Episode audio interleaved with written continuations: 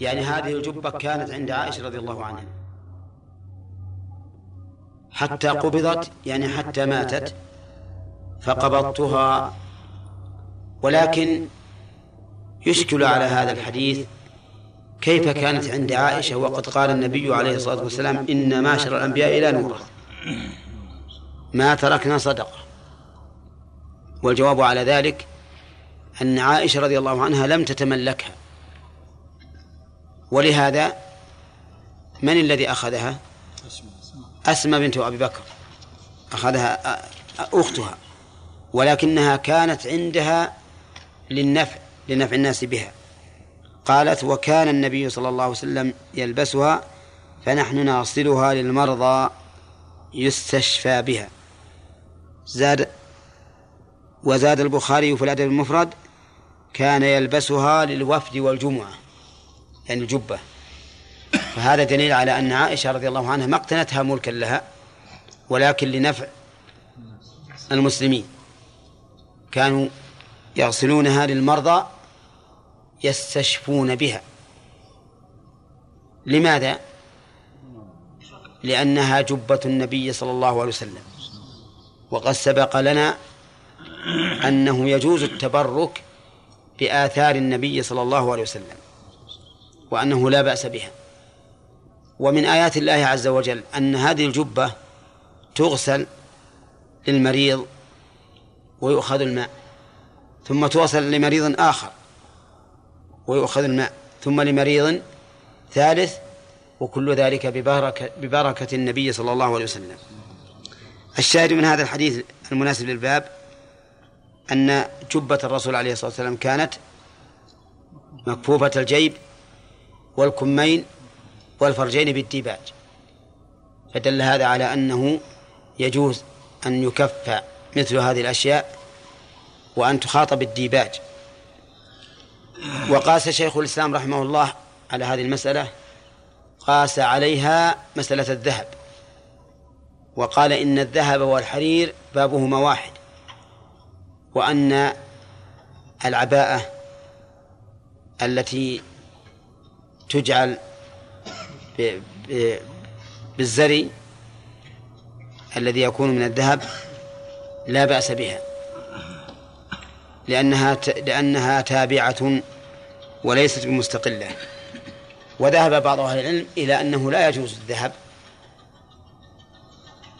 صكها إلى أنه لا يجوز الذهب. ولو كان يسيرا تابعا. وقال إن الأصل بقاء الأحاديث على عمومها خرج ما كان موضع أصبعين أو ثلاثة أو أربع من الحرير بالنص فبقي الذهب على حاله محرما. نعم. قال كتاب الجنائز. نعم. فوائد نعم. من فوائد الحديث جواز كف الطوق والكم والفرج من الجبة بالحرير. وجه ذلك أن النبي صلى الله عليه وسلم أقر أقر ذلك ولبسه. ومن فوائد الحديث أيضا جواز الاستشفاء والتبرك بآثار النبي صلى الله عليه وسلم. ومن فوائد الحديث أن آثار الرسول عليه الصلاة والسلام قد تكون سببا للشفاء كما كان عند أم سلمة جلجل من فضة وفيه شعرات من شعر النبي صلى الله عليه وسلم يستشفى بها. ومن فوائد الحديث أنه ينبغي للإنسان أن يتجمل للوفد وأن يتجمل للجمعة. لقولها وكانت وكان يلبسها للوفد والجمعة.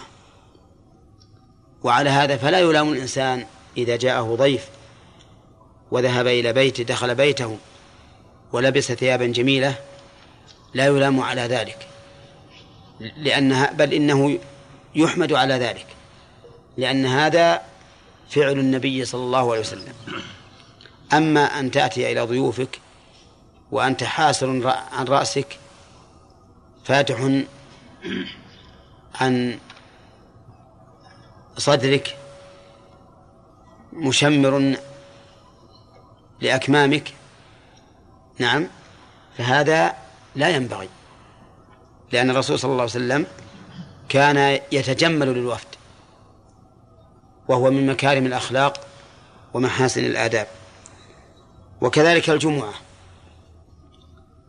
كان الرسول عليه الصلاة والسلام يلبس أحسن ثيابه.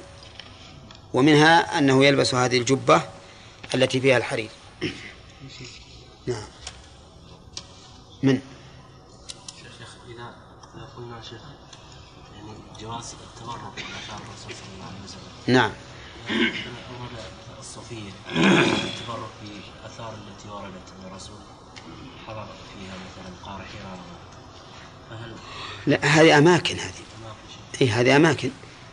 لكن آثار التي التي باشرت جلده. وصار فيها من عرقه أو ريحه أو ما أشبه ذلك. ما يوضع في الساعات ها ما يوضع في الساعات من ذهب. كان يكون سير الساعة. هذا بالنسبة للمرأة لا بأس به. وبالنسبة للرجل الصحيح أنه حرام. لأن هذا من اللباس ولباس الذهب حرام على الرجل. وأما ما يوضع في الأقلام وشبهها ففيه خلاف بين العلماء.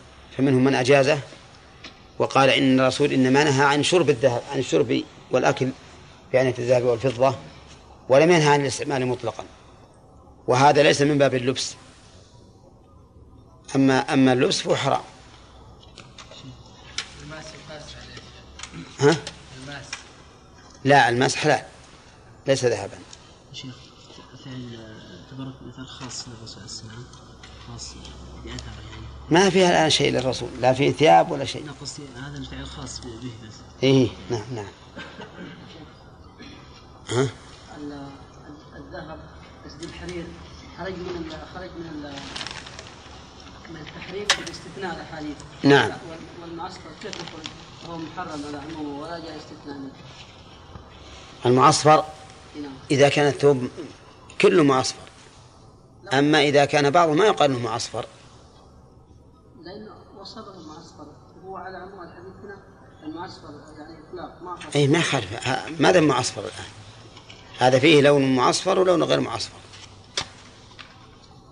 يعني جائز الجوز منه أي نعم قال كتاب الجنائز. سبق لنا أن الجنائز جمع جنازة أو جنازة وأن بعضهم قال الجنازة بالفتح الميت والجنازة بالكسر ها النعش عليه الميت. وقال بعض أهل اللغة إنهما سواء يقال الجنازة ويقال الجنازة. والجنائز وهم الأموات هم الأحياء في الواقع لكنهم انتقلوا من دار إلى دار أخرى كما انتقلوا من الدار التي هي بطون أمهاتهم إلى الدنيا فيرجعون بعد الدنيا إلى البطن الأول وهو بطن الثرى والتراب ثم بعد ذلك يخرجون من هذا البطن إلى الحياة الآخرة. وهذا من الحكمة أن يكون الخروج من البطن الأول إلى البقاء الآخر. وأما في الدنيا فهو الخروج من البطن الثاني نعم إلى العمل. فهنا طرفان الطرف الأول اللي هو خلق الإنسان من الطين. والطرف الآخر ها خروجه من هذا. من هذا. من هذا البطن إلى اليوم الآخر الدائم فيكون في ذلك الطرفان الطرف الأول والطرف الأخير لكن في الحمل في بطون أمهاتهم هما طرفان في الوسط يخرج الإنسان من بطن أمه إلى الدنيا ثم ينتقل قال عن أبي هريرة رضي الله عنه قال قال رسول الله صلى الله عليه وسلم أكثروا ذكر هاذم اللذات الموت. أكثروا ذكره في نفوسكم أو فيما بينكم. ها؟ يشمل هذا وهذا. وقوله هاذم وهادم لغتان. فهاذم بمعنى قاطع. وهادم من الهدم الذي هو هدم البنيان. وقوله رحمك الله هادم اللذات يعني الذي يهدمها ويقطعها. والمراد باللذات لذائذ الدنيا. وإلا فإن الموت بالنسبة للإنسان المؤمن ابتداء لذة لا تشبه لذات الدنيا.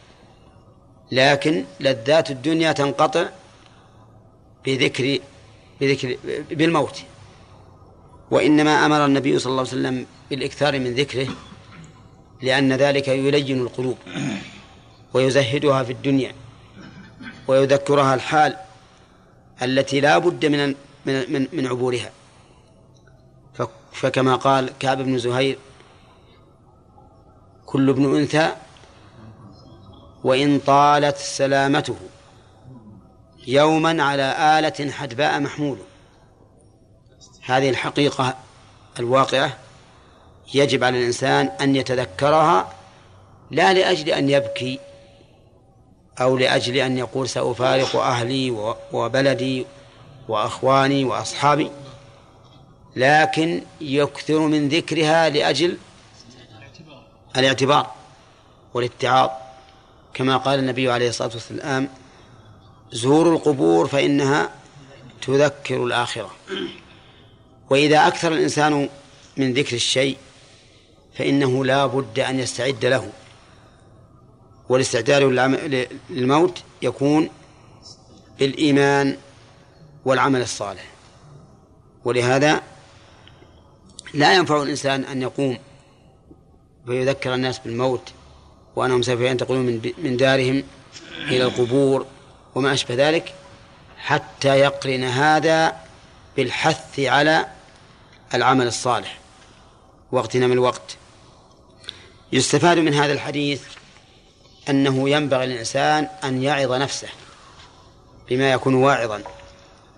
ومنه ها ذكر الموت. ويستفاد من ذلك أنه ينبغي للإنسان أن يكثر من ذكر هذه من اللذات سواء يذكر بذلك نفسه أو يذكر بذلك غيره. ومن فوائد الحديث أن أن الموت يقطع كل لذة.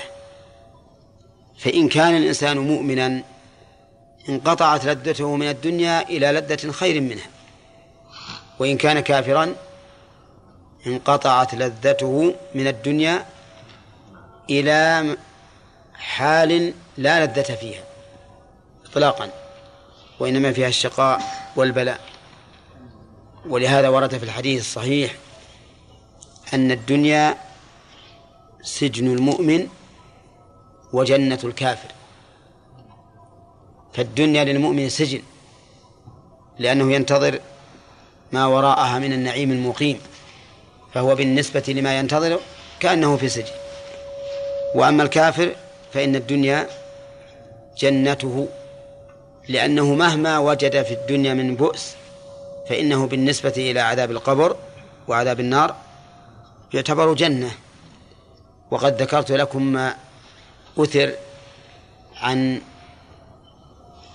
ابن حجر العسقلاني رحمه الله وكان قاضي القضاة في مصر وكان إذا حضر إلى مجلس القضاء يحضر على عربية تجرها البغال وفي موكب. فمر ذات يوم بيهودي آه، دهان زيات. ثيابهم ملوثة وتعبان. فأوقف هذا الموكب اليهودي وقال لابن حجر إن نبيكم يقول إن الدنيا سجن المؤمن وجنة الكافر والآن أنت مؤمن وأنت على ما أنت عليه من النعيم والاحترام والتعظيم وهو أي هذا اليهودي يعتبر في عيش ضيق معيشا ضنك وتعبان.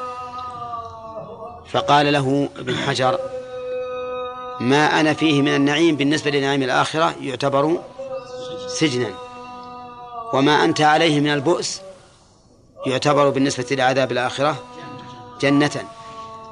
فاتعظ اليهودي وقال أشهد أن لا إله إلا الله وأن محمد رسول الله. الله أكبر.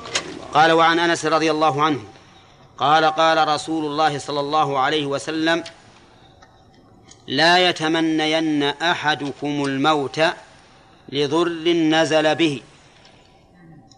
فإن كان لا بد متمنيا فليقل اللهم إيش؟ أحيني ما كانت الحياة خيرا لي وتوفني ما كانت الوفاة خيرا لي.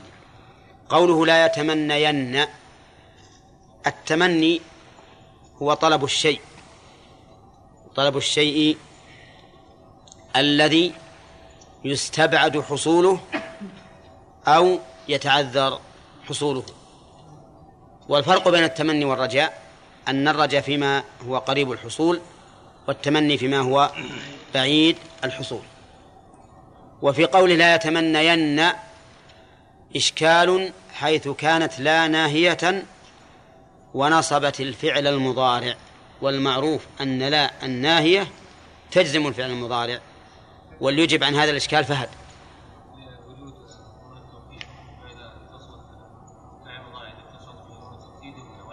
يبنى على الفتح. إذن فالفتحة هنا فتحة بناء ها؟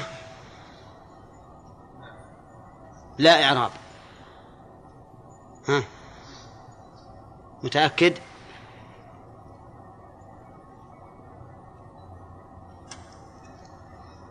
إيش تقولون يا إخوان؟ بناء لا اعراب أنت الآن تقول بناء الفتح. فالفتحة إذن فتحة بناء الإعراب. وقوله لا يتمنين أحدكم الموت يعني لا يقول اللهم أمتني لا بقلبه ولا بلسانه. نعم. وقوله لضر اللام للتعليل للتعليل أي من أجل ضر نزل به سواء كان هذا الضر في بدنه أو في أهله أو في ماله أو في مجتمعه أو في دينه أو في دنياه. بالك كل العمومات هذه ها لأنه قال لضر نزل به.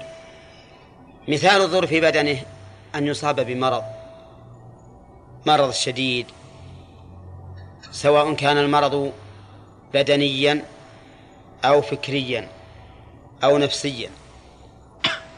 أصيب بمرض فتمنى أنه يموت من أجل هذا الضر الذي نزل به. بماله مثل إيش ها؟ أصيب أصيب بجوائح. نزول أسعار تلف وما أشبه ذلك. في أهله؟ ها؟ بموت أو أمراض أو عقلية أو نفسية أو جسمية في مجتمعه نكسات في المجتمع معاصي فسوق وما أشبه ذلك إيش بعد؟ في في دينه في دينه مثل أن يجد من نفسه إعراضا عن عن دين الله وتكاسلا في الخير وما أشبه ذلك. في دنياه واضح. المهم أن الحديث عام لضر نزل به فإن كان لا بد متمنيا شف فإن كان لا بد هذا يدل على أنها حالة غير مرغوب فيها. ولكن إن كان ولا بد فليقل اللهم أحيني ما كانت الحياة خيرا لي. اللهم يا الله أصلها يا الله. ولكنها حذفت منها ياء النداء وعوضت عنها الميم. حذفت ياء النداء تبركا بالبداءة بسم الله عز وجل. وعوض عنها الميم وجعلت في الآخر لأنها أي الميم تدل على الضم. وهو الجمع وكأن الإنسان جمع قلبه على ربه. اللهم. طيب. أحيني فعل دعاء ولا أمر؟ دعاء. ما هو فعل أمر؟ لأنك لا يمكن أن تأمر الله عز وجل. وقوله ما كانت الحياة خيرا لي؟ ما هذه مصدرية؟ ظرفية. مصدرية ظرفية. كيف مصدرية ظرفية وش هذا؟ اسم جديد. ولا غير جديد؟ ها؟ غير جديد من مر علينا في كان وأخواتها. مصدرية لأنها تؤول بمصدر. ظرفية لأنه يقدر قبلها ظرف. فما كانت الحياة أي مدة كون الحياة. ما كانت الحياة أي ها؟ مدة كون الحياة خيرا لي. وتوفني ما كانت الوفاة خيرا لي. مثله أقول في توفني كما قلنا في أحييتني في أحيني. وما كانت الوفاة كما قلنا فيما كانت الحياة.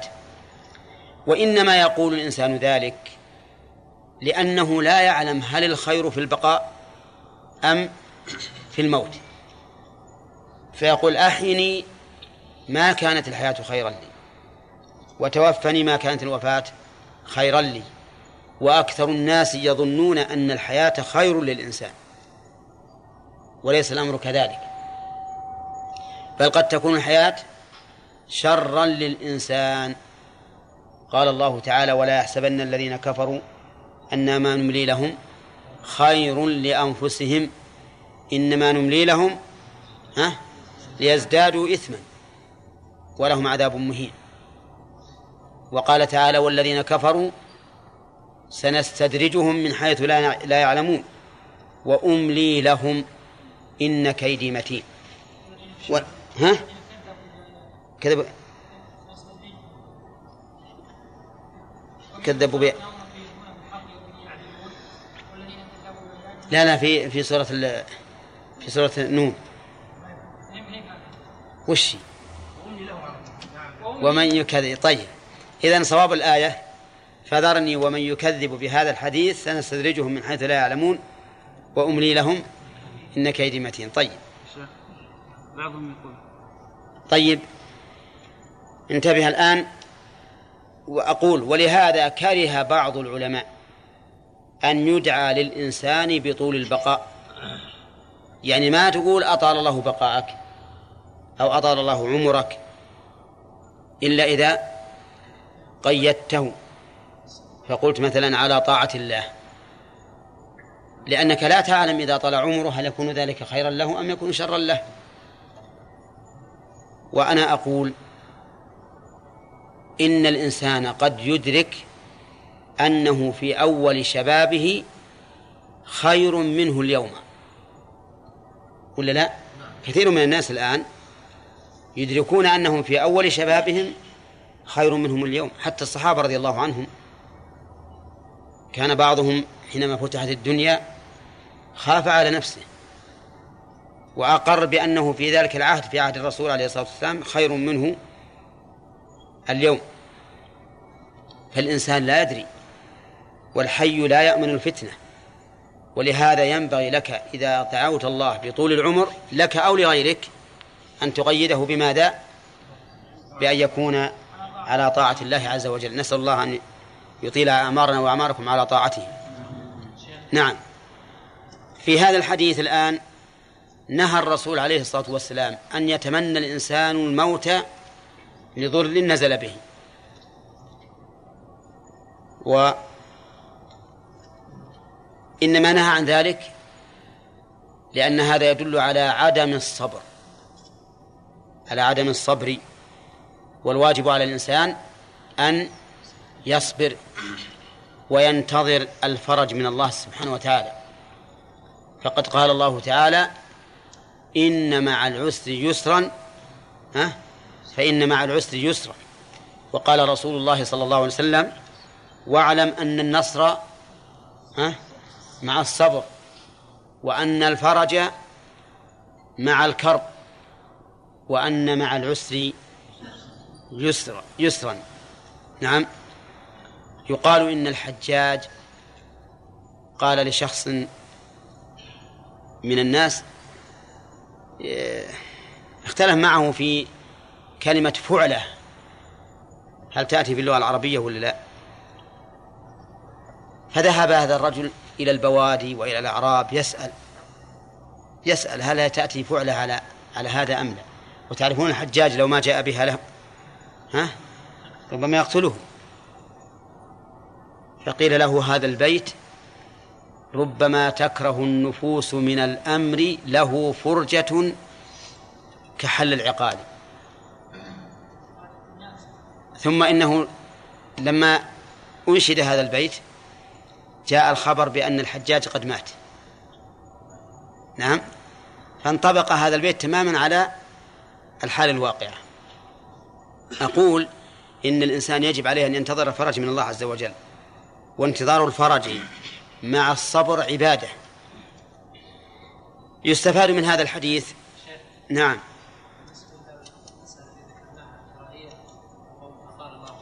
نعم. طيب لو لاحظنا هذا المعنى كان ممكن نمنع أشياء كثيرة. نمنع قول الدعاء بسعة الرزق. قد تكون خير وقد تكون شر. نعم نعم. لا بس لأن لأن طول البقاء طول البقاء ذكر الله سبحانه وتعالى في القرآن أن ما نملي لهم خير لأنفسهم إنما نملي لهم ليزدادوا إثما. ولا ما في شك حتى أم يحس- أيحسبون أن أن ما نمدهم به من مال وبنين نسارع لهم في الخيرات بل لا يشعرون. لكن العلماء ما ذكروا إلا هذه المسألة. يستفاد من هذا الحديث تحريم تمني الموت لضر نزل بالإنسان. من أين يؤخذ؟ منين؟ من النهي المؤكد. ولا لا؟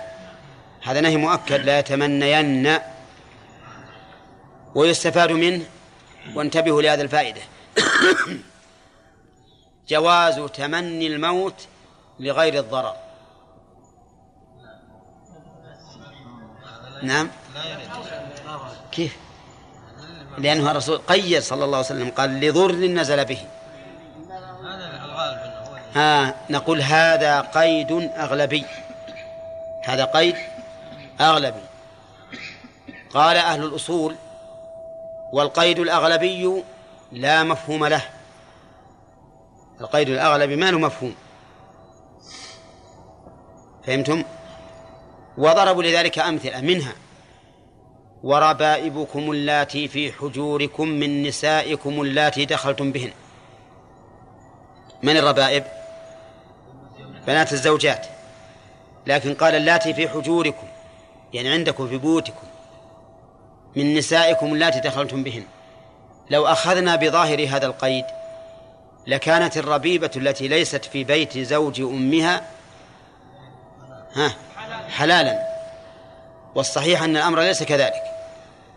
بدليل أن الله عز وجل ذكر مفهوم القيد الثاني دون الأول. حيث قال فإن لم تكونوا دخلتم بهن فلا جناح عليكم. عرفتم؟ إذن فالقيد هذا أغلبي لا مفهوم له ومثلوا لذلك أيضا بقوله صل... بقوله تبارك وتعالى ولا تكرهوا فتياتكم على البغاء إن أردنا تحصنا طيب فإن أردنا غير التحصن مثل أن قالت لا أن مثل مثل أن قالت لا أريد البغاء لأن هذا الرجل الذي- جبتوه لي رجل دميم كره المنظر ما به جيبوا لي رجل جميل وتقول أهلا وسهلا هذه أرادت التحصن ولا لا؟ ها؟ أبت البغاء لماذا؟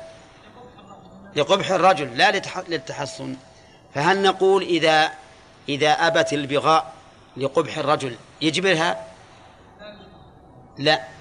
طيب الله يقول إن أردنا, إن أردنا تحصنا. يقول لأن هذا القيد آلبي إذا قول النبي صلى الله, صلى الله عليه وسلم هنا لضر نزل به ها بناء على الأغلب لأن الإنسان اللي ما جاءه ضرر ما حد يتمنى الموت. ولا لا؟ طيب. إذا ويستفاد من هذا الحديث وجوب الصبر. يستفاد من هذا الحديث وجوب الصبر على الأضرار النازلة بالإنسان. نعم. منين ناخذه؟ ها؟ من النهي عن تمني الموت لأجل الضرر. معناه اصبر. ويستفاد من هذا الحديث أن الإنسان إذا كان لا بد متمنيا وهي حالة نازلة. فليقل ما ذكر. اللهم أحيني ما علمت الحياة خيرا لي. ويستفاد منه أن الإنسان لا يعلم الغيب. من أين تؤخذ؟ من التفويض. اللهم أحيني ما علمت الحياة خيرا لي. لأني أنا ما أعلم. ويستفاد منه علم الله عز وجل ثبوت علم الله عز وجل بالمستقبل.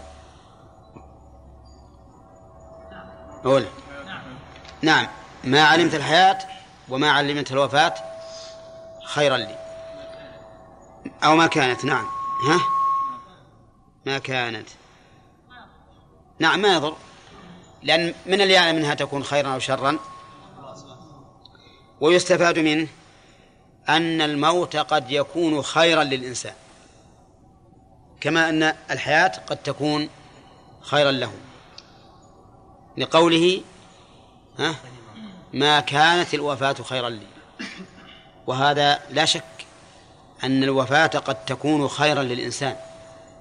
وقد أخبر النبي عليه الصلاة والسلام أن الرجل يأتي في آخر الزمان إلى القبر فيقول يا ليتني مكان صاحب هذا القبر لما يرى من الفتن العظيمة التي قد تحول بينه وبين السعادة الأبدية. فإن قلت ما الجواب؟ أو ما الجمع بين هذا الحديث وبين قول مريم عليها الصلاة والسلام؟ أو نقول مريم رضي الله عنها؟ ها؟ الأخير مريم رضي الله عنها. قالت يا ليتني مت قبل هذا وكنت نسيا منسيا. وكذلك ما جاء في الحديث إن أردت بعبادك فتنة فاقبضني إليك غير مفتون. نعم. وكذلك ما جاء عن يوسف أنت ولي في الدنيا والآخرة توفني مسلما وألحقني بالصالحين. هذه ثلاثة نصوص ويمكن يوجد نصوص أخرى. كيف نجمع بينها وبين هذا الحديث؟ هذا يقول يا ليتني مت قبل هذا. وذا يقول اقبضني إليك غير مفتون. ويوسف يقول ها توفني مسلما وألحقني بالصالحين. قلنا الجواب أما قول مريم يا ليتني مت قبل هذا وكنت نسيا منسيا وكذلك قوله اقبضني إليك غير مفتون فقد ذهب بعض أهل العلم إلى أن تمني الموت إذا كان لضرر ديني خوف الفتنة فإنه لا بأس به فإنه لا بأس به. وحمل هذا الحديث الذي معنا على الضرر ها غير الديني على الضرر غير الديني وهذا وهذا الجمع قد يكون مقبولا. ولكننا نقول إن هناك جمعا أيسر منه.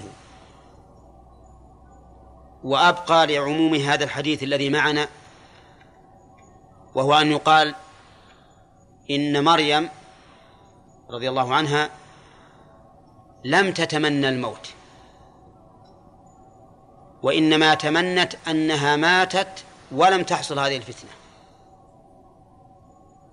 فهي ما قالت ما تمنت إنها ماتت فقط تمنت أنها لم تحصل عليها هذه الفتنة حتى ماتت. وأظن هناك فرقا بين الأمرين. نعم. بين أن يتمنى الإنسان أنه لم يحصل هذا الشيء حتى مات وبين أن يتمنى الموت متقدما. فالمعنى أنها تقول يا ليتني مت قبل هذا أي يا ليتني لم يصبني ذلك حتى الموت. وكذلك قوله اقبضني إليك غير مفتون. ما فيها تعجل الموت. فيها أن الله يقبضه على حال وهي غير مفتون. ولهذا غير منصوب على الحال. يقبضني إليك غير مفتون.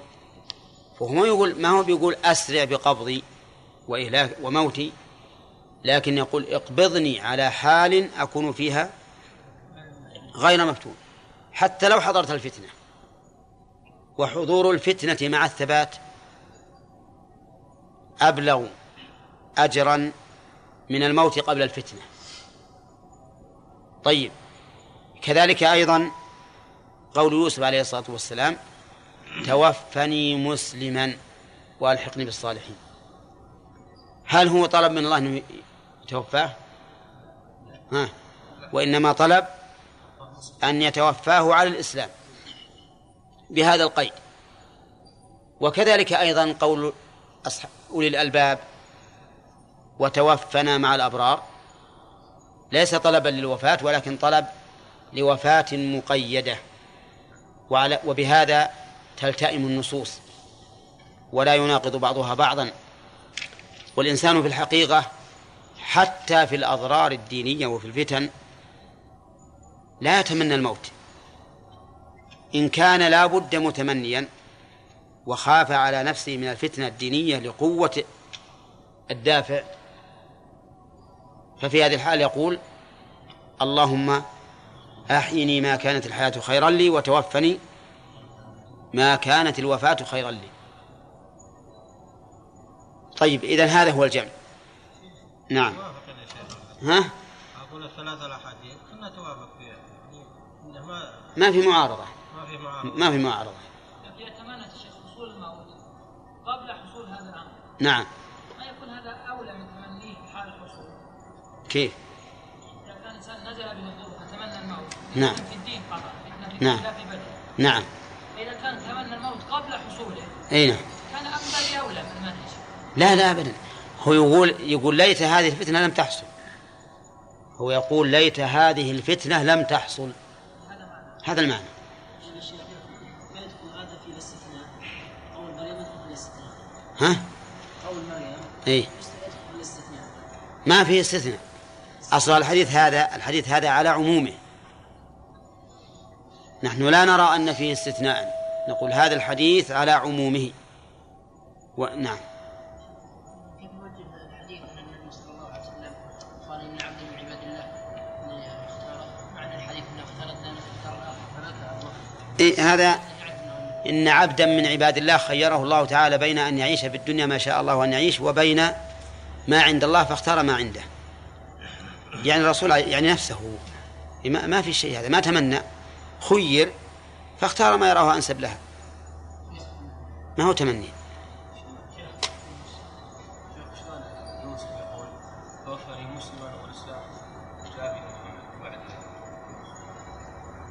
أصل بارك الله فيك الإسلام نوعان.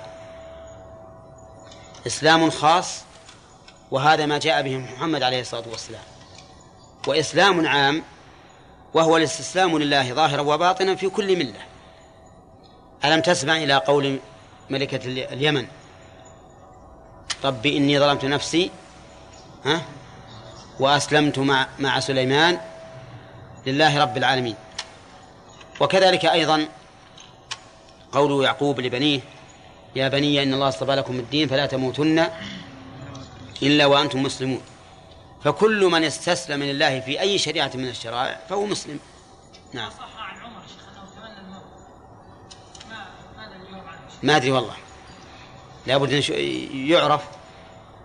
فإذا فإذا تبين أنه صريح في- معارضة هذا الحديث فيعتذر عنه بأنه لم يبلغ نعم.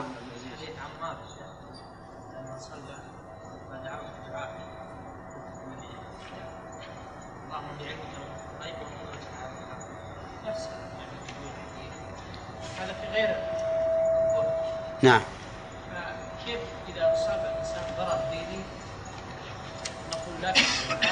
لا.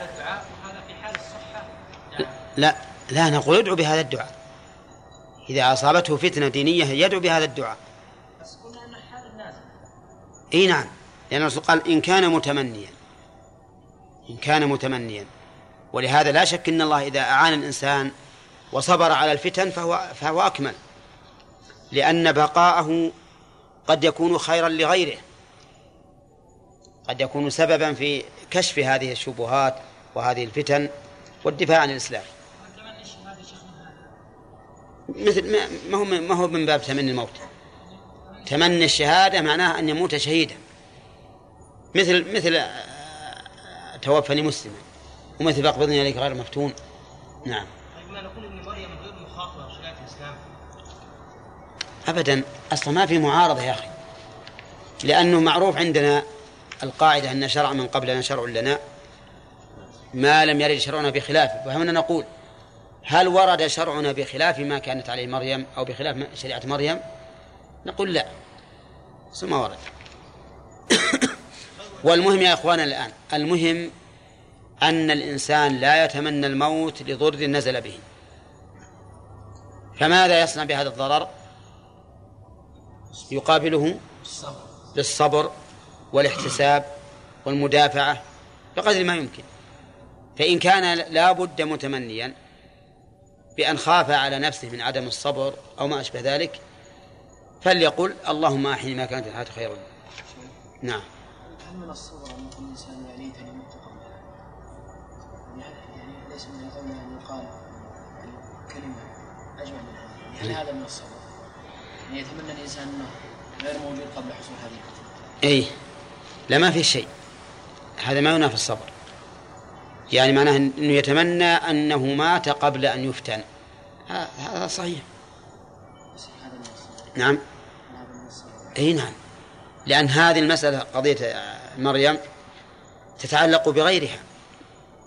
لأنها سوف تصبح عند هؤلاء الجماعة سوف تصبح بغيا. ولهذا لما جاءت تحمله ماذا قالوا لها؟ قالوا يا أخت هارون ما كان أبوك امرأ سوء وما كانت أمك بغيا وهذا أشد ما يكون من القذف. ولهذا قال العلماء اختلف الفقهاء رحمهم الله في القذف بالتعريض هل هو كالتصريح أم لا؟ فقال بعضهم إن القذف بالتعريض أشد. قال والله أنا الحمد لله أنا أنا من أبزاني يتخاصموا واحد قال الحمد لله أنا من أبسروق أنا من أبزاني وش معنى هذا؟ يعني أنك أنت سروق وزاني. أي نعم.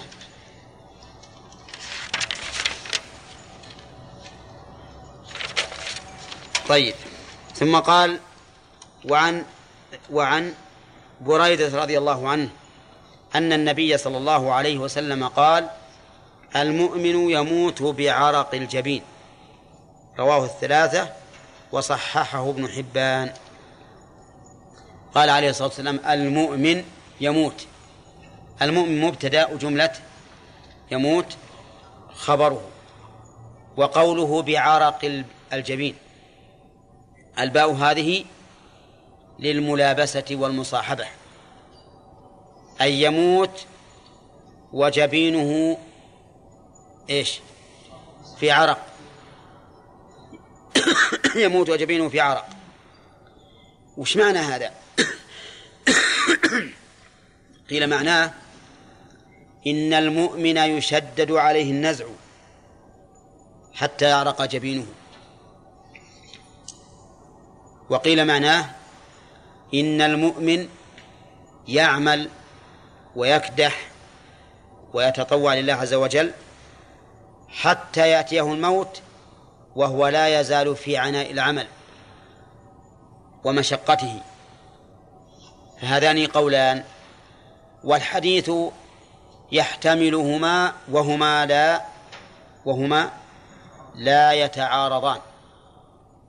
وقد بينا مرارا أن النص إذا كان يحتمل المعنيين. ولا معارضة بينهما. ها؟ فإنه يحمل عليهما. فإن تعارضا ها؟ طلب المرجح. وعلى هذا فنقول إن معنى الحديث أن الحديث له له معنيان. نقول إن الحديث له معنيان وربما يكون له معنى ثالثا. أيضا وهو أن المؤمن يموت وهو في حياء وخجل من الله عز وجل. والعادة أن الإنسان إذا صار عنده خجل وحياء نعم يعرق يعرق جبينه والكافر والعياذ بالله قلبه قاسي لا عنده خجل ولا حياء من الله سبحانه وتعالى. والله أعلم. قال والله فلان ما شاء الله عنده ملايين الدراهم وسيارات وقصور وأولاد وأنا ما عنديش اللهم توفى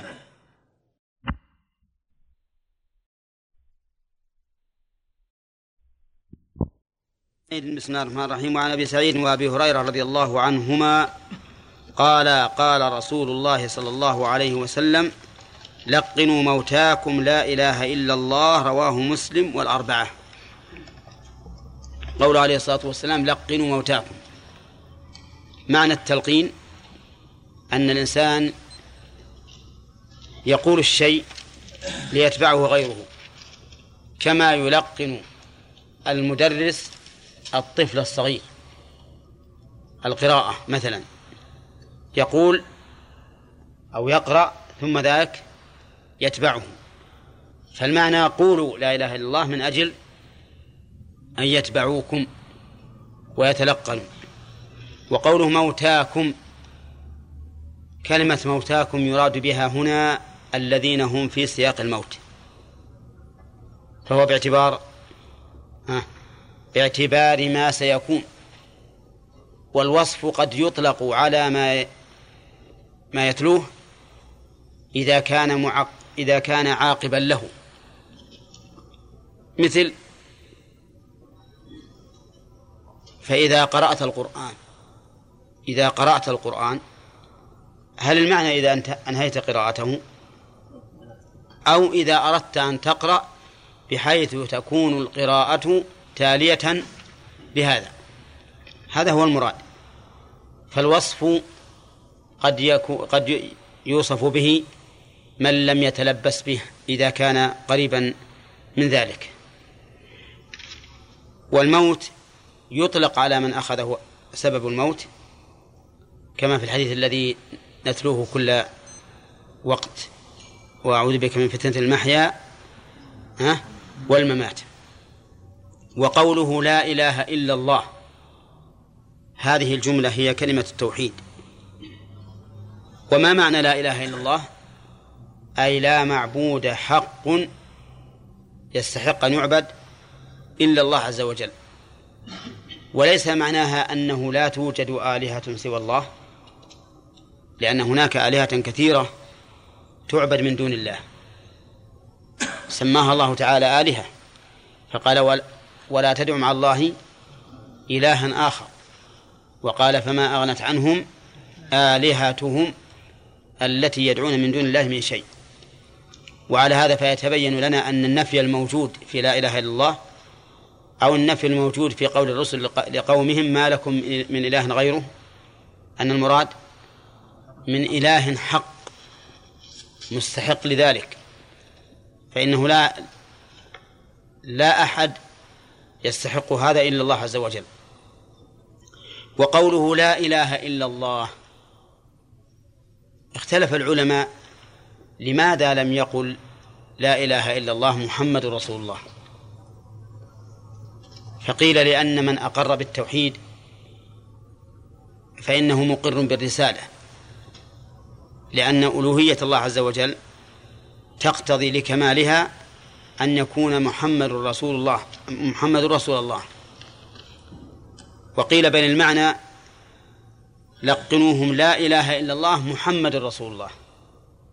فحذف الثانية استغناء عنها بالأولى. ولكن ظاهر الحديث أنه لا حذف فيه. وأن من شهد أن لا إله حق إلا الله فإنه فإن هذه الشهادة تتضمن الشهادة بأن محمد رسول الله. ولهذا في حديث أسامة الذي لحق الرجل المشرك فلما أدركه قال الرجل إيش؟ قال لا إله إلا الله. فقتله أسامة رضي الله عنه. فلما أخبر النبي صلى الله عليه وسلم بذلك قال له قتلته بعد أن قال لا إله إلا الله؟ قال يا رسول الله إنما قالها تعوذا. إيش معنى تعوذا يستعيذ بها من القتل ويلجأ بها من القتل فجعل الرسول عليه الصلاة والسلام يكررها. قتلته بعد أن قال لا إله إلا الله حتى قال أسامة تمنيت أني لم أكن أسلمت بعد. نعم. فهذا يدل على أن لا إله إلا الله إذا قالها الإنسان فهو مؤمن. ثم يطالب بعد ذلك بلوازمها. وقوله لقنوا موتاكم لا إله إلا الله. عرفنا معنى التلقين. وهذا الأمر ليس على سبيل الوجوب ولكنه على سبيل الاستحباب. إذ لم يعلم أن أحدا من أهل العلم قال بالوجوب ثم إن قوله موتاكم الضمير يعود على من؟ على المسلمين. فيكون التلقين لمن مات من المسلمين. وأما الكفار فإنهم يؤمرون أمرا.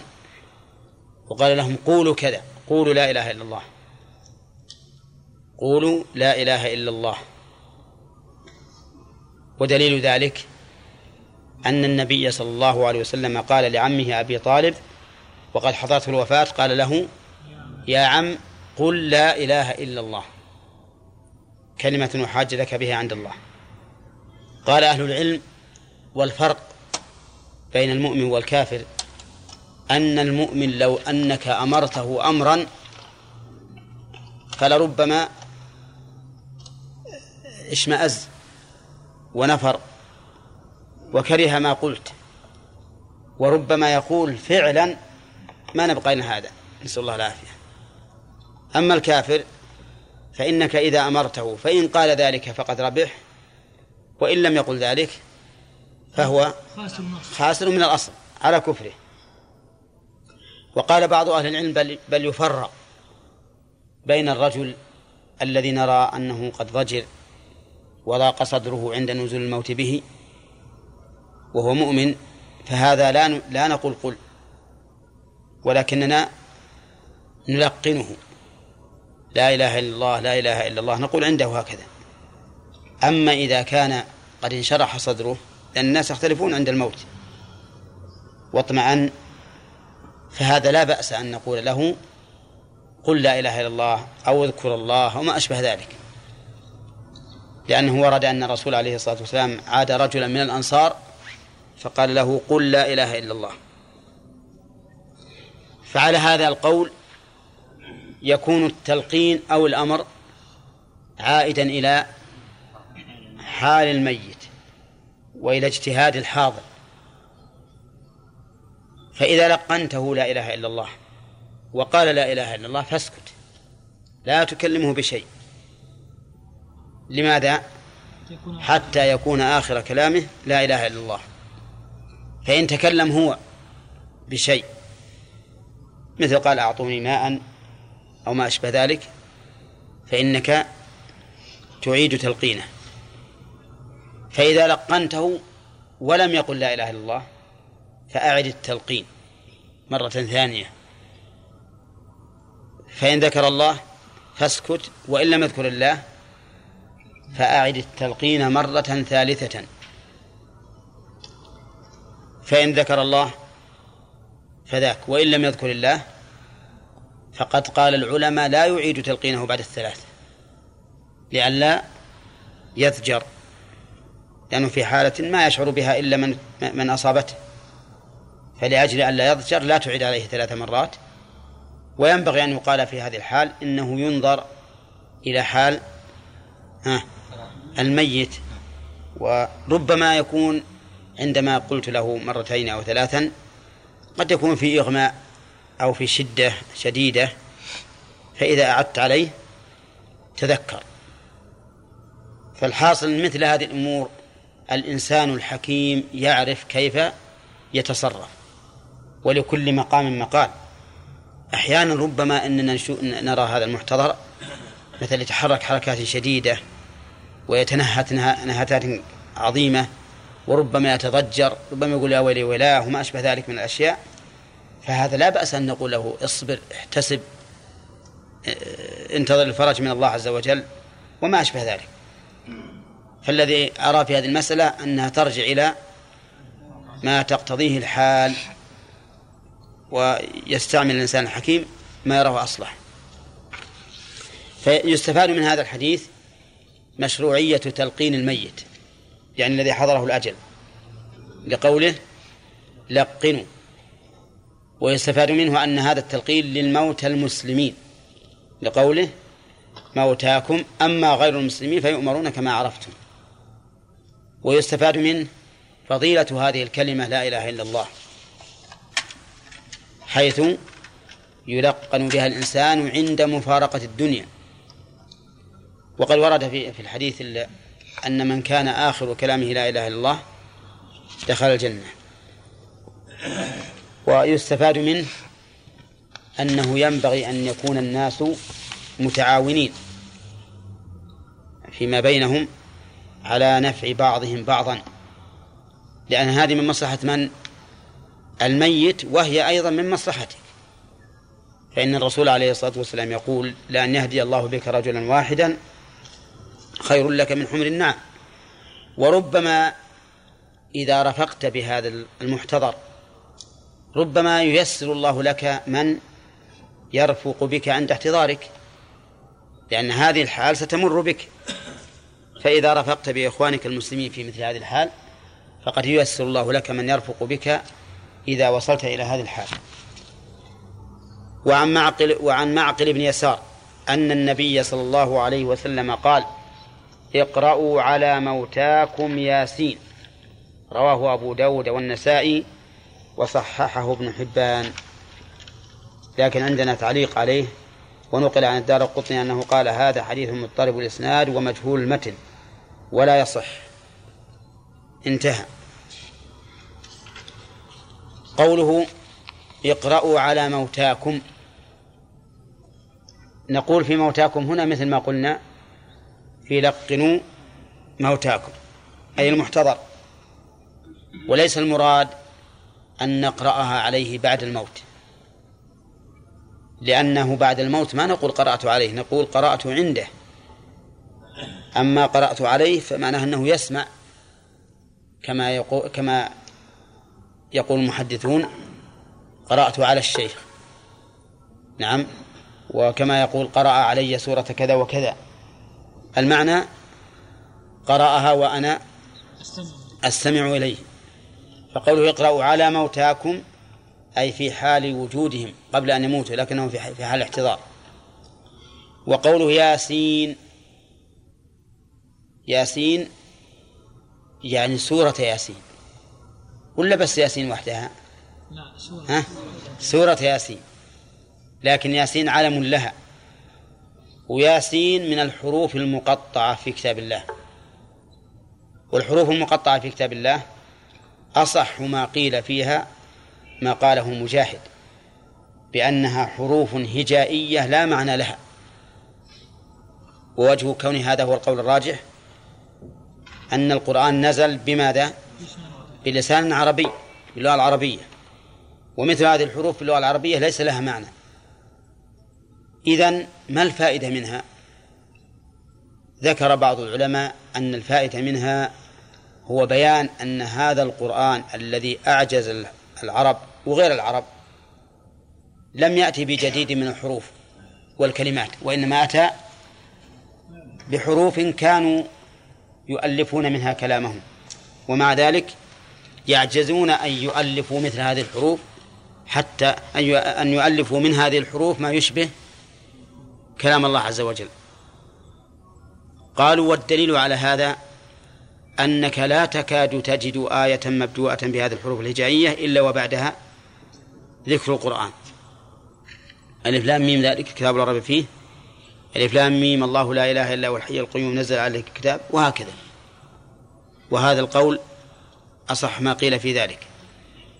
وأما من قال إن ياسين اسم من أسماء الرسول عليه الصلاة والسلام واستدل لذلك بالخطاب الذي بعده. ياسين والقرآن الحكيم ها إنك لمن المرسلين. فإننا نقول له إذن من أسماء الرسول صلى الله عليه وسلم ألف لام ميم صاد. لأنه قال بعدها كتاب أنزل إليك. نعم. وهذا لا يقوله أحد. فطه وياسين ليستا من أسماء الرسول عليه الصلاة والسلام. وإن كان قد اشتهر حتى عند بعض العلماء أن طه من أسماء الرسول عليه الصلاة والسلام لكن هذا لا يصح. وإنما طه وياسين مثل نون وقاف وألف لام راء وألف لام ميم وألف لام صاد. هذا الحديث عند من صححه. يقولون إن الفائدة هو أن قراءة ياسين على الميت تسهل خروج الروح. نقله الإمام أحمد عن أشياخ عن أشياخهم وعن سلفهم. أنه إذا قرأت عليه عليه هذه السورة صار ذلك سببا لتسهيل خروج الروح عنده لأنه فيها ذكر الجنة والتشويق إليها. مثل قوله قيل له ادخل الجنة قال يا ليت قومي يعلمون بما غفر لي ربي وجعلني من المكرمين.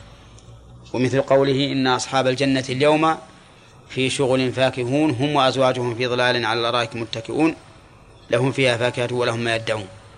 وفيها أيضا إثبات البعث وتقريره بأحسن بأحسن تقرير. نعم. أولم يرى الإنسان أنا خلقناه من نطفة فإذا هو خصيم مبين. وضرب لنا مثلا ونسي خلقه قال من يحيي العظام وهي رميم؟ قال الله تعالى قل يحييها الذي أنشأها أول مرة إلى آخر السورة. فإن فيها ثمانية أدلة عقلية كلها تدل على إمكان البعث. نعم. وعند من لم يصحح هذا الحديث يقول إن قراءة سورة ياسين عند الميت على الميت بدعة.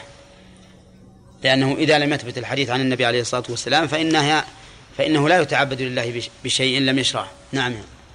سورة قاف فيها نفس إيه نعم. الجنة والبعث والحياة ما يمنع أن الرسول يخصص شيئا دون آخر. نعم. بالنسبة للحديث الأول قول لا إله إلا الله ولو لم يعمل بمقتضاها إذا قالها في آخر عمره إي نعم. نعم. الحديث عام. وعن أم سلمة رضي الله عنها قالت دخل رسول الله صلى الله عليه وسلم على أبي سلمة وقد شق بصره. وفي رواية وقد شق بصره. والفاء مفتوحة على الروايتين. دخل رسول الله صلى الله عليه وسلم على أبي سلمة عندنا وقد شق لكن ضبطها بالشرح بالفتح على الروايتين. وقد شق بصره بصره أو بصره فأغمضه ثم قال إن الروح إذا قبض اتبعه البصر فضج ناس من أهله إلى آخره. دخل النبي عليه الصلاة والسلام على أبي سلمة وهو زوج أم سلمة أم المؤمنين رضي الله عنها. وقد شق بصره أو بصره. شق يعني انفتح انفتاحا واسعا. وصار لا ينظر إلا إلى جهة واحدة فهو كشخص البصر كما يقال شخص بصره. وإنما شق بصره ينظر إلى روحه روح اللي في جسده. تقبض بإذن الله وتخرج إذا خرجت ويقال إنها تخرج من من الخياشيم. إذا خرجت رآها الميت. رآها فينظر إليها تعالى الله. وهذا دليل على أن الحياة تبقى في العين بعد خروج الروح. نعم يجب الفوائد لما رآه النبي عليه الصلاة والسلام قد شق بصره أغمض عينيه أغمضه. ثم قال إن الروح إذا قبض. هنا ذكره الروح إذا قبض. وكان ظاهر الأمر أن يقول ها؟ إذا قبضت. ولكنه قال إذا قبض ذكره باعتبار لفظه. لأن الروح مذكر لفظا فذكره باعتبار لفظه. اتبعه البصر أي بصر؟ بصر الميت اتبعه يعني يتابعه ويشاهده. فضج ناس من أهله. ضجوا يعني بالصياح. وخرجت منهم أصوات. وقوله من أهله أي من أهل أبي سلمة. لأنه لما قال النبي صلى الله عليه وسلم إن الروح إذا قبض علموا أنه قد توفي. علموا أنه قد توفي فضجوا. كعادة الناس. فقال النبي صلى الله عليه وسلم لا تدعوا على أنفسكم إلا بخير فإن الملائكة يؤمنون على ما تقولون. ها؟ تؤمن على ما تقولون. لا تدعوا على أنفسكم يحتمل أن المعنى لا تدعوا على الميت لأن الميت من أنفسنا. أو على أنفسكم أنتم كما هي عادتهم في الجاهلية إذا أصيبوا بالمصائب يقولون وثبوراه وانقطاع ظهراه وما أشبه ذلك. أيهما أقرب؟ الثاني أقرب. الثاني هو الأقرب لأن دعاءهم على الميت ها بعيد أو متعذر. وقوله عليه الصلاة والسلام لا تدعو إلا بخير. يعني ولا تدعو بشر. ها؟ نعم. بل إن لدينا ثلاثة أمور. خير وشر ولا خير ولا شر. والرسول عليه الصلاة والسلام قال لا تدعو إلا بخير. ثم علل ذلك بقوله فإن الملائكة تؤمن على ما تقولون. أي ملائكة هم الذين حضروا لقبض روح الميت أو الملائكة الموكلون بكتابة أعمال بني آدم أم هم ملائكة؟ وكلهم الله عز وجل بحضور المحتضرين ليؤمنوا على دعاء أهل أهليهم. نعم. أما الأول فبعيد لأن الملائكة الذين حضروا لقبض روح الميت مشغولون بماذا؟ بما أمروا به. وأما الثاني والثالث فكلاهما محتمل. يحتمل أنهم الملائكة الذين هم حفاظ على أعمال بني آدم ويحتمل أنهم ملائكة آخرون. وكلهم الله عز وجل بحضور الأموات. وأيا كان فإن تأمين الملائكة على ما ندعو به آه سبب إيش؟ لإجابة الدعوة. سبب لإجابة الدعوة. وقوله فإن الملائكة يؤمنون على ما تقولون على ما تقولون على أنفسكم وللميت أو على أنفسكم فقط. الظاهر العموم ولهذا ينبغي في مثل هذه الحال أن يدعى للميت. ينبغي أن يدعى للميت. اللهم اغفر له اللهم تغمد بالرحمة كما سيأتي إن شاء الله أن الرسول دعا له. نعم. فإن الملائكة يؤمنون على ما تقولون. ويقولون أيضا مثل من أحسن ما يقولون اللهم أجرنا في في مصيبتنا. نعم. وأخلف لنا خيرا منها. نعم. ثم قال النبي عليه الصلاة والسلام الذي بالمؤمنين رؤوف رحيم وأشفق عليهم من آبائهم وأمهاتهم. قال صلى الله عليه وسلم هذه الكلمات العظيمة التي كل أحد يتمنى أنها له. قال اللهم اغفر لأبي سلمة. اغفر له إيش؟ ذنوبه. اللهم اغفر لأبي سلمة. وارفع درجته في المهديين يا رب فضله. ارفع درجته في الجنة في المهديين أي معهم. ففي هنا للمصاحبة. كقوله تعالى وأدخلني برحمتك في عبادك الصالحين أي معهم. وقوله وارفع درجته في المهديين أي معهم. ومن هم المهديون؟ المهديون هم الذين أنعم الله عليهم من النبيين والصديقين والشهداء والصالحين. ودليل ذلك قوله تعالى اهدنا الصراط المستقيم. صراط الذين. إذا فالذين أنعم الله أنعمت عليهم مهديون ولا لا؟ لأنك تسأل الله اهدنا صراطهم. إذا فهم مهديون إلى صراط مستقيم. فيكون معنى ارفع درجته في المهديين أي في ها؟ في الذين أنعم الله عليهم من النبيين والصديقين والشهداء والصالحين. ثم قال وافسح له في قبره. افسح بمعنى وسع. والقبر كما نعلم من الناحية الحسية ضيق لكنه قد يوسع للإنسان حتى يكون مد بصره حتى يكون مد بصره. كيف يوسع وهو ضيق حسا؟ ل... نعم لأن لأن أحوال الآخرة غير أحوال الدنيا. إذا كان الإنسان وهو نائم أحيانا يرى في المنام أنه في مكان واسع فسيح بستان وما أشبه ذلك ولا لا؟ وأحيانا يرى أنه في مكان ضيق. نعم يرى أنه في مكان ضيق في نفق. أحيانا يجد أنه في نفق يلا يطلع منه.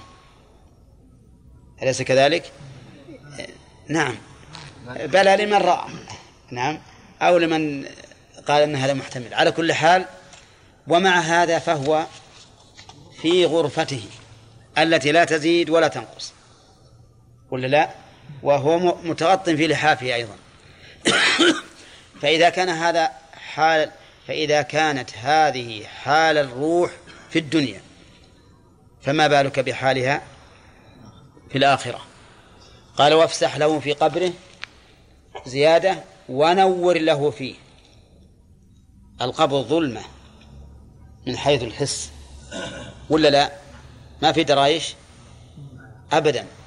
ظلمة مختومة على الإنسان. الله يجعل لنا ولكم روضة من رياض الجنة. لكن يقول افسح له ونور له فيه. يجعل له فيه نورا. يلا من فضلك. وإذا كان القبر فسيحا ونورا تنسى الدنيا كلها. نعم. وافسح ونور له فيه. نعم. بعده. واخلفه في عقبه. أي كن خليفته في عقبه. أي في من عقب من زوجة وولد. ولننظر هذه الدعوات العظيمة من رسول الله صلى الله عليه وسلم. هل قبلت أم ردت؟ نحن نعلم منها ما وقع. وهو أن الله خلفه في عقبه. أتدرون من كان خليفته في عقبه؟ رسول الله صلى الله عليه وسلم. كان خليفته في عقبه رسول الله صلى الله عليه وسلم. وهذا أعظم خلافة. أعظم خلافة أن يكون زوجته وأولاده تحت رعاية النبي صلى الله عليه وسلم. نحن نقول إن بقية الجمل الأربع.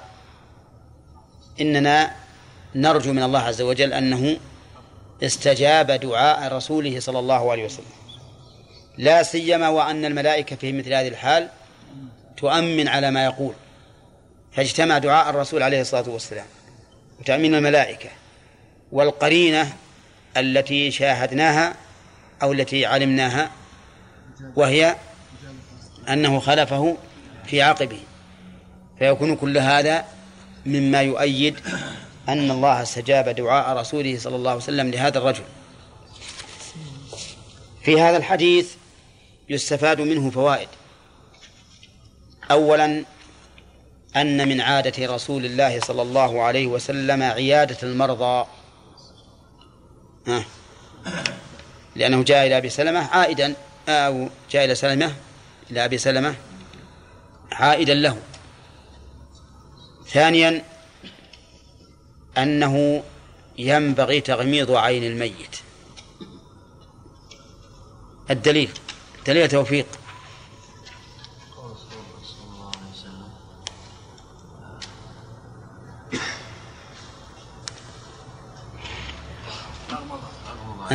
أغمضه ثالثا أن الروح جسم مرئي. نعم. ها؟ لأن البصر يتبعه.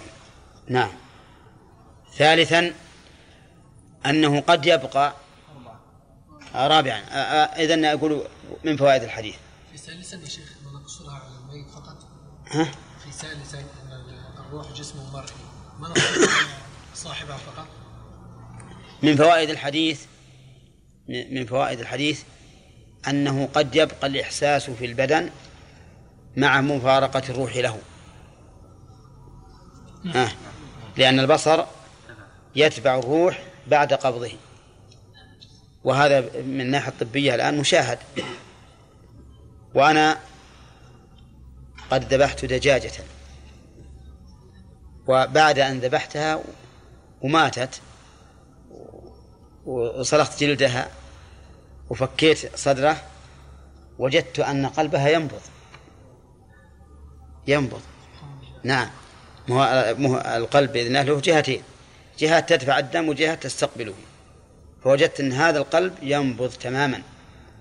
ينفتح وينغلق وينفتح الثاني. هذه حركة ذي. ها؟ ها؟ إيش؟ لا راحت روحها من من زمان. ما ما صرخنا إلا راحت روحها. نعم. لو تذبح الصباح؟ اي نعم. وهو ميت؟ سبحان الله. لوجود الروح في الجسم ومن فوائد الحديث أنه ينبغي في هذه الحال أن لا يدعى إلا بالخير. لقوله لا تدعوا على أنفسكم إلا بخير. ومن فوائده أنه لا يلام الأهل إذا ضجوا من موت الميت. من أين يؤخذ؟ إقرار الرسول من إقرار الرسول لهم ما قال لا تضجوا بل قال لا تدعوا على أنفسكم إلا بخير. ومن فوائدها إثبات الملائكة. من فوائد الحديث إثبات الملائكة لقوله فإن الملائكة يؤمنون. ومن فوائده عناية الله تعالى ببني آدم حيث وكل ملائكة يتابعونهم ويؤمنون على دعائهم. ومن من الملائكة؟ الملائكة عالم غيبي. خلقهم الله عز وجل من نور وأعطاهم الله تعالى قوة في الإرادة وقوة في التنفيذ.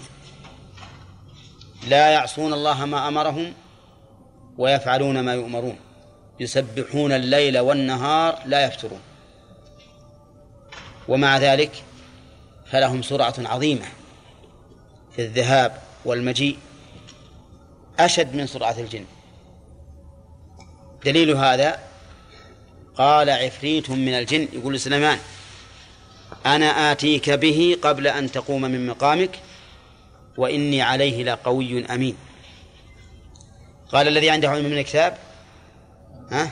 أنا آتيك به قبل أن يرتد إليك طرفك يعني قبل ما تقول سداد تناظر من بعيد هم من يرد هذا سريع ولا ولا بطيء؟ أسرع؟ من السريع أسرع من السريع قال العلماء إن هذا الذي عنده علم من الكتاب إنه دعا الله فحملته الملائكة وجاءت به بهذه اللحظة العظيمة سبحان الله العظيم. منين؟ اليمن من اليمن وهو بالشام. لا إله إلا الله. الله أكبر. جعل الملائكة لمصالح بني آدم. عبد الله؟ على دعاء أهل الميت.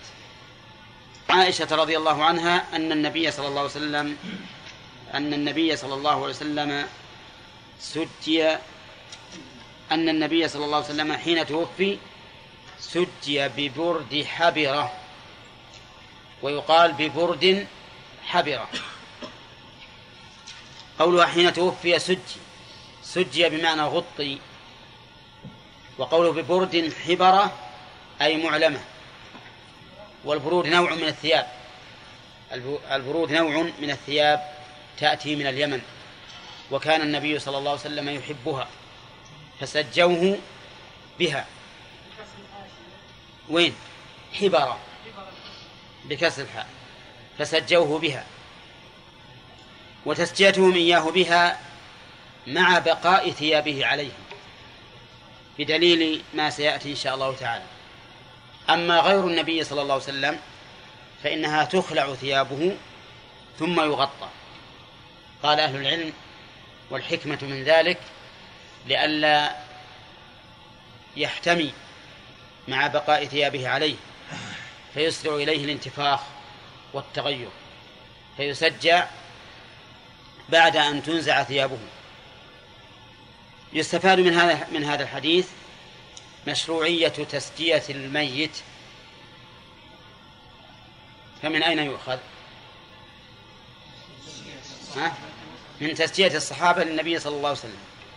ولكن قد يقول قائل هذا فعل الصحابة وليس هذا في عهد النبي صلى الله عليه وسلم حتى نقول إن الوحي أقره. فما هو الجواب على هذا الاعتراض؟ أو شيء إجماع الصحابة على ذلك ثم الرسول أمرنا باتباع الخلفاء الراشدين. نعم. نقول لا شك أن هذا صادر بعد موافقة الخلفاء الراشدين والخلفاء الراشدون لهم سنة متبعة نعم. وهو أن ثبت في صحيح مسلم أنهم خلعوها عنه خلعوا إيش؟ خلعوا شو اسمه الحبرة أزالوها. أي نعم بس من الفاعل؟ الصحابة إيه هذه. قد يقول قائل فعل الصحابة بعد موت الرسول صلى الله عليه وسلم لا دليل فيه. يعني تراجعوا عن الفعل لا لا ما تراجعوا لكن أزالوها عنه لأجل تغسيله. طيب إذن نقول في هذا دليل على تسجية الميت لفعل الصحابة رضي الله عنهم مع النبي صلى الله عليه وسلم. نعم ثم نقول إن إن هذا إذا صح ما سيأتي. حين قالوا أنجرد رسول الله صلى الله عليه وسلم كما نجرد موتانا؟ فسمعوا هاتفا يهتف أن غسلوا رسول الله صلى الله عليه وسلم في ثوبه أو في قميصه. إذا صح هذا فإن إقرار الله لهم التسجية بدون أن يهتف هاتف يدل على أنها مشروعة وهل يستفاد من الحديث أن يسجل الميت بما يحب أن يستعمله في حياته؟ نعم. نعم إذا صحت العلة التي ذكرها بعض شراح الحديث أن الرسول عليه الصلاة والسلام إنما سجل بهذه البردة لأنه كان يحب ذلك. وعنها يعني عن عائشة أن أبا بكر رضي الله عنه قبل النبي صلى الله عليه وسلم بعد موته رواه البخاري. وسبب ذلك أن رسول الله صلى الله عليه وسلم أصبح يوم مات أحسن منه من الأيام في الأيام التي قبلها. وكان أبو بكر رضي الله عنه ملازما للبقاء في المدينة يرحمك الله. حين مرض النبي صلى الله عليه وسلم واشتداد المرض به. فلما رآه قد أصبح بارئا وأحسن من ذي قبل خرج إلى مكان له يسمى السلح خارج المدينة. فتوفي النبي عليه الصلاة والسلام من ضحى ذلك اليوم. وحصل ما حصل من انزعاج الصحابة رضي الله عنهم وحتى إن أمير المؤمنين عمر بن الخطاب على شدة بأسه وقوته أشكل عليه الأمر. وقام في الناس في المسجد يقول والله ما مات رسول الله صلى الله عليه وسلم وإنما صعق ولا يبعثنه الله فليقطعن أيدي رجال وأرجلهم من خلاف. أبو بكر لما بلغه الخبر دخل من من مكانه ثم دخل على النبي عليه الصلاة والسلام ووجده مغطى فكشف عنه وقبله وبكى وقال بأبي أنت وأمي يا رسول الله طبت حيا وميتا والله لا يجمع الله عليك موتتين أما الموتة الأولى فقد متها ثم غطاه وخرج إلى الناس ووجد عمر بن الخطاب يتكلم بما يتكلم به فقال له على رسلك يا هذا. ثم صعد المنبر فخطب تلك الخطبة العظيمة. قال أما بعد أيها الناس فمن كان يعبد محمدا فإن محمدا قد مات. ومن كان يعبد الله فإن الله حي لا يموت. ثم قرأ رضي الله عنه وما محمد إلا رسول قد خلت من قبله الرسل. أفإن مات أو قتل انقلبتم على أعقابكم ومن ينقلب على عقبيه فلن يضر الله شيئا وسيجزي الله الشاكرين. قال عمر فوالله ما أن سمعتها سمعتها حتى عقرت فلم تقلني رجلاي وعرف الحق حتى كأن الناس ما قرأوا هذه الآية فعرفوا أن النبي صلى الله عليه وسلم مات حقا. وفي هذا دليل على ثبات أبي بكر رضي الله عنه. لأننا نعلم والعلم عند الله عز وجل أن أشد الناس مصيبة برسول الله صلى الله عليه وسلم هو أبو بكر لأنه أحب الناس إليه حتى صرح بذلك في مرض موته. قال لو كنت متخذا من أمتي خليلا لاتخذت أبا بكر ولكن أخوة الإسلام. ومع هذا ثبت هذا الثبات. وله مقامات أخرى تدل على ثباته مثل قتال أهل الردة وإرسال جيش أسامة بن زيد مع الضائقة التي كان عليها الصحابة. الشاهد من هذا الحديث أن أبا بكر قبل النبي صلى الله عليه وسلم بعد موته فيستفاد منه. جواز تقبيل الميت بعد موته. نعم. لفعل أبي بكر. فإن قلت فعل أبي بكر فعل صحابي فهل يكون فيه دليل؟ الجواب نعم فيه دليل. لقول النبي عليه الصلاة والسلام عليكم بسنتي وسنة الخلفاء الراشدين المهديين من بعدي. بل لقوله اقتدوا بالذين من بعد أبي بكر وعمر. بل لقوله فإن يطيعوا أبا بكر وعمر يرشدوا. فعلى هذا يكون في الحديث دليل على ذلك. فيجوز في فيجوز للإنسان إذا دخل على ميت صديق له أو قريب له أن يقبله بشرط أن يكون ممن يحل له تقبيله حال حياته. كالرجل مع الرجل والمرأة مع المرأة. والزوج مع زوجته والزوجة مع زوجها. ويستفاد منه طهارة بدن الميت. أولى. انتبهوا هذه تحتاج إلى مناقشة. ها؟ فيها مناقشة. كيف ذلك؟ الأصل عدم الخصوصية. كيف السؤال يا حيدر؟ ما معنا ها؟ السؤال هل يؤخذ من هذا الحديث طهارة بدن الميت؟ ها؟ ها؟ موافقون كلكم على نعم؟ ها؟ لا.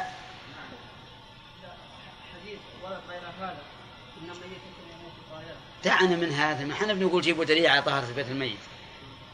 لكن نقول هل هذا فيه دليل على طهارة بدن الميت أم لا؟ ها؟ كيف ذلك؟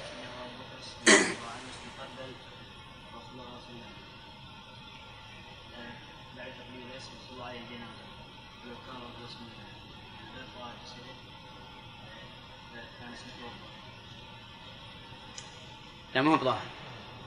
يقال إنه حتى لو فرض أن الإنسان باشر نجاسة وليس فيه ما يوجب أن تعلق النجاسة به فإنه لا يتنجس بذلك. يعني مثلا لو باشر النجاسة وهو يابس وهي يابسة. هل هل يلزمه الغسل؟ لا لا يلزمه. وعلى فرض أن أن الميت نجس. فإذا مسه الإنسان بدون أن يكون مبتلا. نعم. لم يجب غسله لم يجب أن يغسل ما أصاب ما أصاب الميت. نعم. فهمتم الآن؟ ومن, ها ومن هنا قال العوام.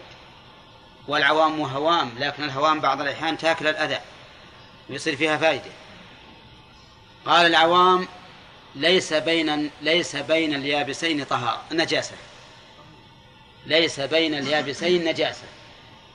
صحيح هذا؟ صحيح. يعني تمس نجاسة وأنت يابس ما ما تلوثك ما عليك شيء. ولا يجب عليك أن تغسل يديك. نعم. نعم. مباشرة النجس مباشرة النجس إذا لم يتعدى إليك فلا لا بأس بها. فإن تعدى إليك فإن كان لحاجة أو لمصلحة فلا بأس به أيضا. كما لو كما لو باشرت النجس لإزالته. ولهذا الإنسان المستنجي بالماء يمسه يمس النجاسة بيده. أليس كذلك؟ وكذلك لو كان لحاجة كما ذكر بعضهم أن شحم أن شحم الخنزير يستفاد منه في بعض الجروح. فهذا أيضا لا بأس به للحاجة. لكن بشرط إذا جاء وقت الصلاة أن تطهر المحل وتزيل هذه النجاسة. هذا ينبني عاد على الخلاف هل هي طاهرة ولا نجسة؟ الصحيح أنها طاهرة أن عرقها طاهر. نعم.